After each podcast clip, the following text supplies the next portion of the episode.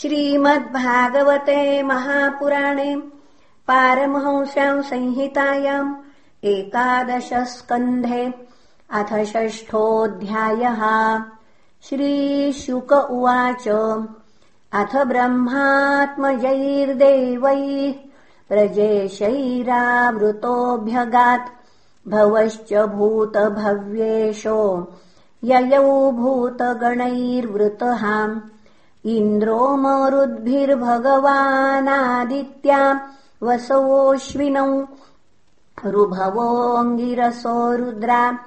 विश्वे साध्याश्च देवताः। गन्धर्वाप्सरसो नागा। सिद्धचारणगुह्यकाः। ऋषयः पितरश्चैव। सविद्याधरकिन्नराः द्वारकामुपसञ्जग्मुः सर्वे कृष्णदिदृक्षवः। वपुषायेन भगवान् नरलोकमनोरमः। यशोवितेने लोकेषु सर्वलोकमलापहम्। तस्याम् विभ्राजमानायाम् समृद्धायाम् महर्धिभिः व्यचक्षता वितृप्ताक्षाः कृष्णमद्भुतदर्शनम् स्वर्गोद्यानोपगैर्मालैश्छादयन्तो यदुत्तमम् गीर्भिश्चित्रपदार्थाभिस्तुष्टुवुर्जगदीश्वरम् देवा ऊचुः न तास्मते नाथ पदारविन्दम् बुद्धीन्द्रियः प्राणमनोवचोभिः यच्चिन्त्ययन्तेऽन्तर्हृदि भावयुक्तैर्मुमुक्षुभिः कर्ममयोरुपाशात् त्वम् मायया त्रिगुणयात्मनि दुर्विभाव्यम् व्यक्तम् सृजस्य वसिलुम्पसि तद्गुणस्थः।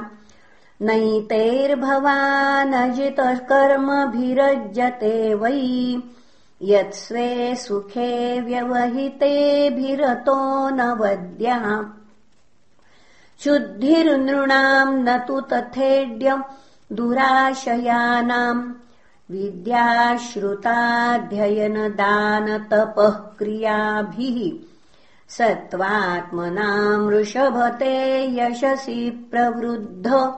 सच्छ्रद्धया श्रवणसंवृतया यथा स्यात्। स्यान्नस्तवाङ्घ्रि रशुभाषय धूमकेतुः क्षेमाय यो मुनिभिरार्द्र हृदो ह्यमानः यः सात्वतैः समविभूतय आत्मवद्भिर्व्यूहेर्चित स वनशः स्वरतिक्रमाय।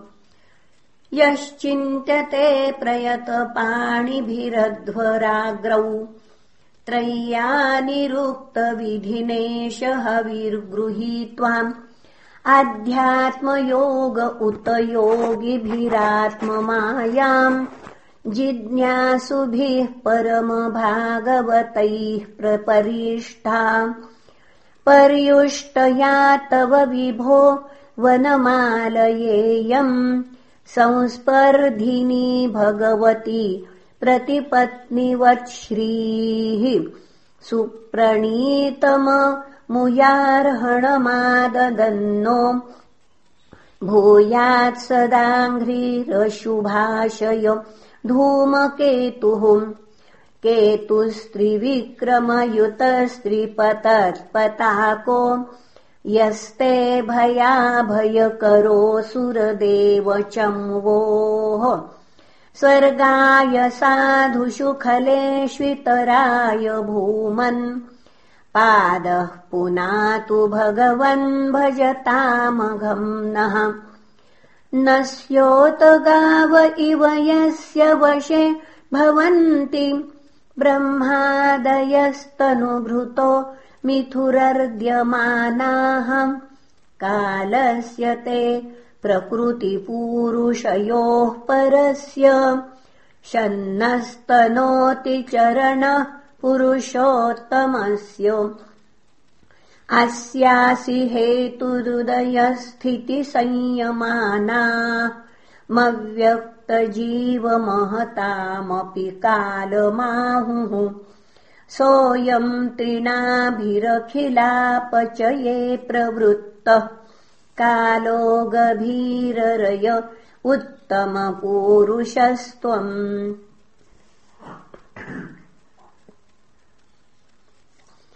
त्वत्तः पुमान्समधिगम्य यया स्ववीर्यम् धत्ते महान्तमिव गर्भममोघवीर्यः। सोऽयम् तयानुगत आत्मन आण्डकोशम्। हैमम् ससरज बहिरावरणैरुपेतम्। तत्तस्थुषश्च जगतश्च भवानधीशो यन्माययोत्थगुण विक्रिययोपनीतान्। अर्थाञ्जुषन्नपि ऋषिकपतेन लिप्तो। येन्ये स्वतः परिहृतादपि बिभ्यति स्म।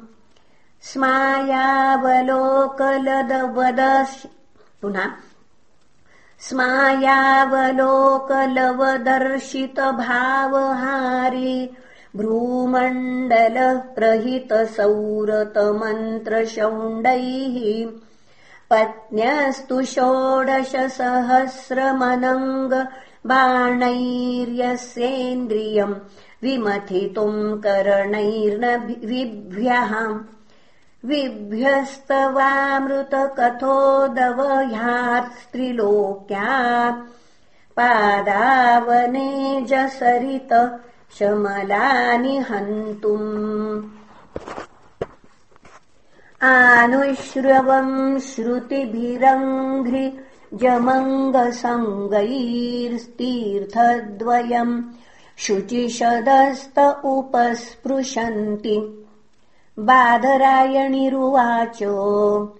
इत्यभिष्टूय विबुधैः शेष शतधृतिर्हरिम्।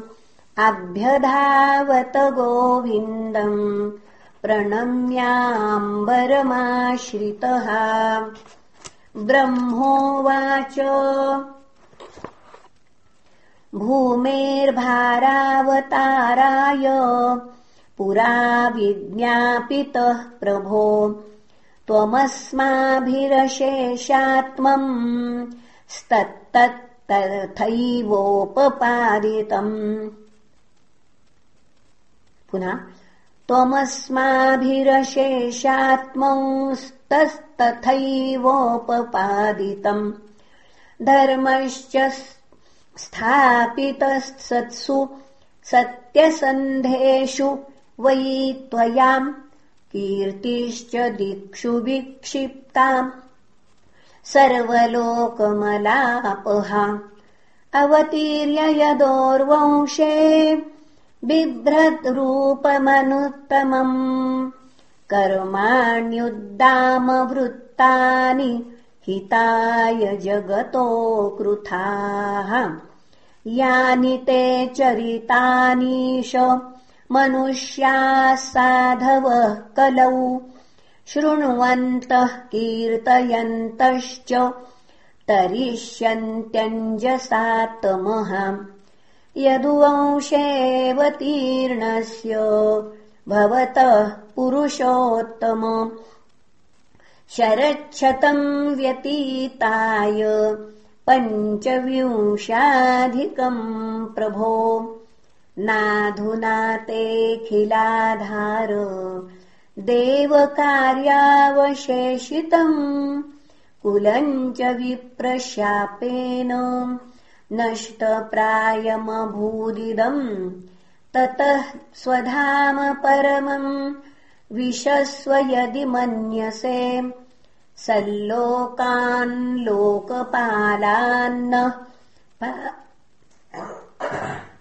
पुनः सल्लोकाल्लोकपालान्नः पायि वैकुण्ठकिङ्करान्।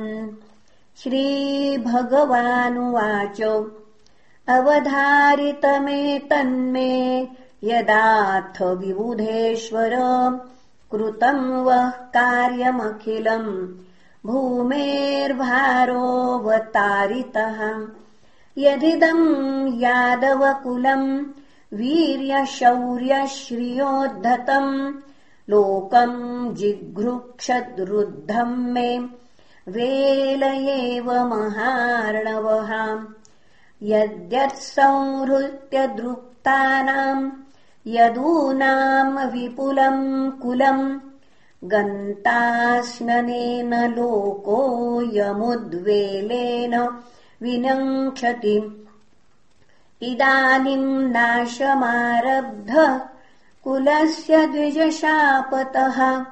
यास्यामि भवनम् ब्रह्मन्नेतदन्ते तवानघ।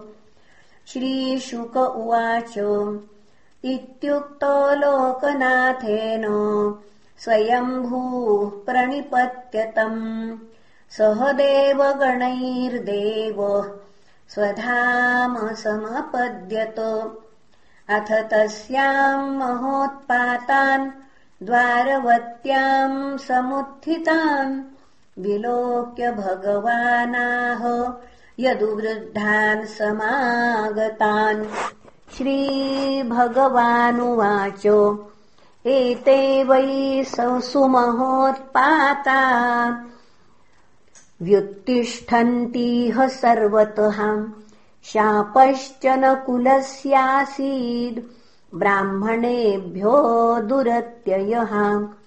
न वस्तव्यमिहासा पुनः न वस्तव्यमिहास्माभिर्जिजीविषुभिरार्यकाः प्रभासम् सुमहत्पुण्यम् यास्यामोऽद्यैवमाचिरम् यत्र स्नात्वा दक्षशापाद्गृहीतो यक्ष्मणोडुराट् विमुक्तः किल्बिषात् सद्यो भेजे भूयः कलोदयम्। वयम् च तस्मिन्नाप्लुत्य तर्पयित्वा पितृन्सुरान् भोजयिष्योत्शिजो विप्रान् नानागुणवतान्धसा। तेषु दानानि पात्रेषु श्रद्धयोक्त्वा महान्ति वै। वृजिनानि तरिष्यामो दानैर्नौभिरिवार्णवम्। श्रीशुक उवाच एवम् भगवतादिष्टा यादवाः कुलनन्दन गन्तुम् कृतधियस्तीर्थम् स्यन्दनान् समयूयुजन् तन्निरीक्षोद्धवो राजन् श्रुत्वा भगवतोदितम् दृष्ट्वारिष्टानि घोराणि नित्यम् कृष्णमनुव्रतः विवित्त उपसङ्गम्य जगतामीश्वरेश्वरम् प्रणम्य शिरसा पादौ प्राञ्जलिस्तमभाषतो। उद्धव उवाच देवदेवेश योगेश पुण्यश्रवणकीर्तन संहृत्यैतत्कुलम् नूनम् लोकम् सन्त्यक्षते भवान्। विप्रशापम् समर्थोऽपि प्रत्यहन्न यदीश्वरः। नाहम् तवाङ्घ्रिकमलम् क्षणार्धमपि केशव। त्यक्तुम् समुत्सहेनाथ स्वधामनयमामपि तव विक्रीडितम् कृष्ण नृणाम् परममङ्गलम् कर्णपीयूषमास्वाद्य त्यजन्त्यन्यस्पृहाम् जनः। शय्यासनाटनस्थान स्नानक्रीडाशनादिषु। कथम् त्वाम् प्रियमात्मानम् वयम् भक्तास्त्यजेमहि त्वयोपभुक्तस्रगन्धवासोऽलङ्कार चर्चिताः। उच्चिष्ठभोजिनो दासास्तव। मायाम् जयेमहि वातरशनाय ऋषय श्रमणा ऊर्ध्वमन्थिनः ब्रह्माख्यम् धाम ते यान्ति। शान्ताः सन्न्यासिनो मलाः। वयम् त्विह महायोगिन्। भ्रमन्तः कर्मवर्त्मसु त्वद्वार्तया तरिष्याम। दुस्तरम् तमः स्मरन्तः कीर्तयन्तस्ते। कृतानि गदितानि च यगत्युस्मिते क्षणक्ष्वेलि यन्नृलोकविडम्बनम्। श्रीशुक उवाच एवम् विज्ञापितो राजन् भगवान् देवकीसुतः एकान्तिनम् प्रियम् भृत्य मुद्धवम् समभाषत।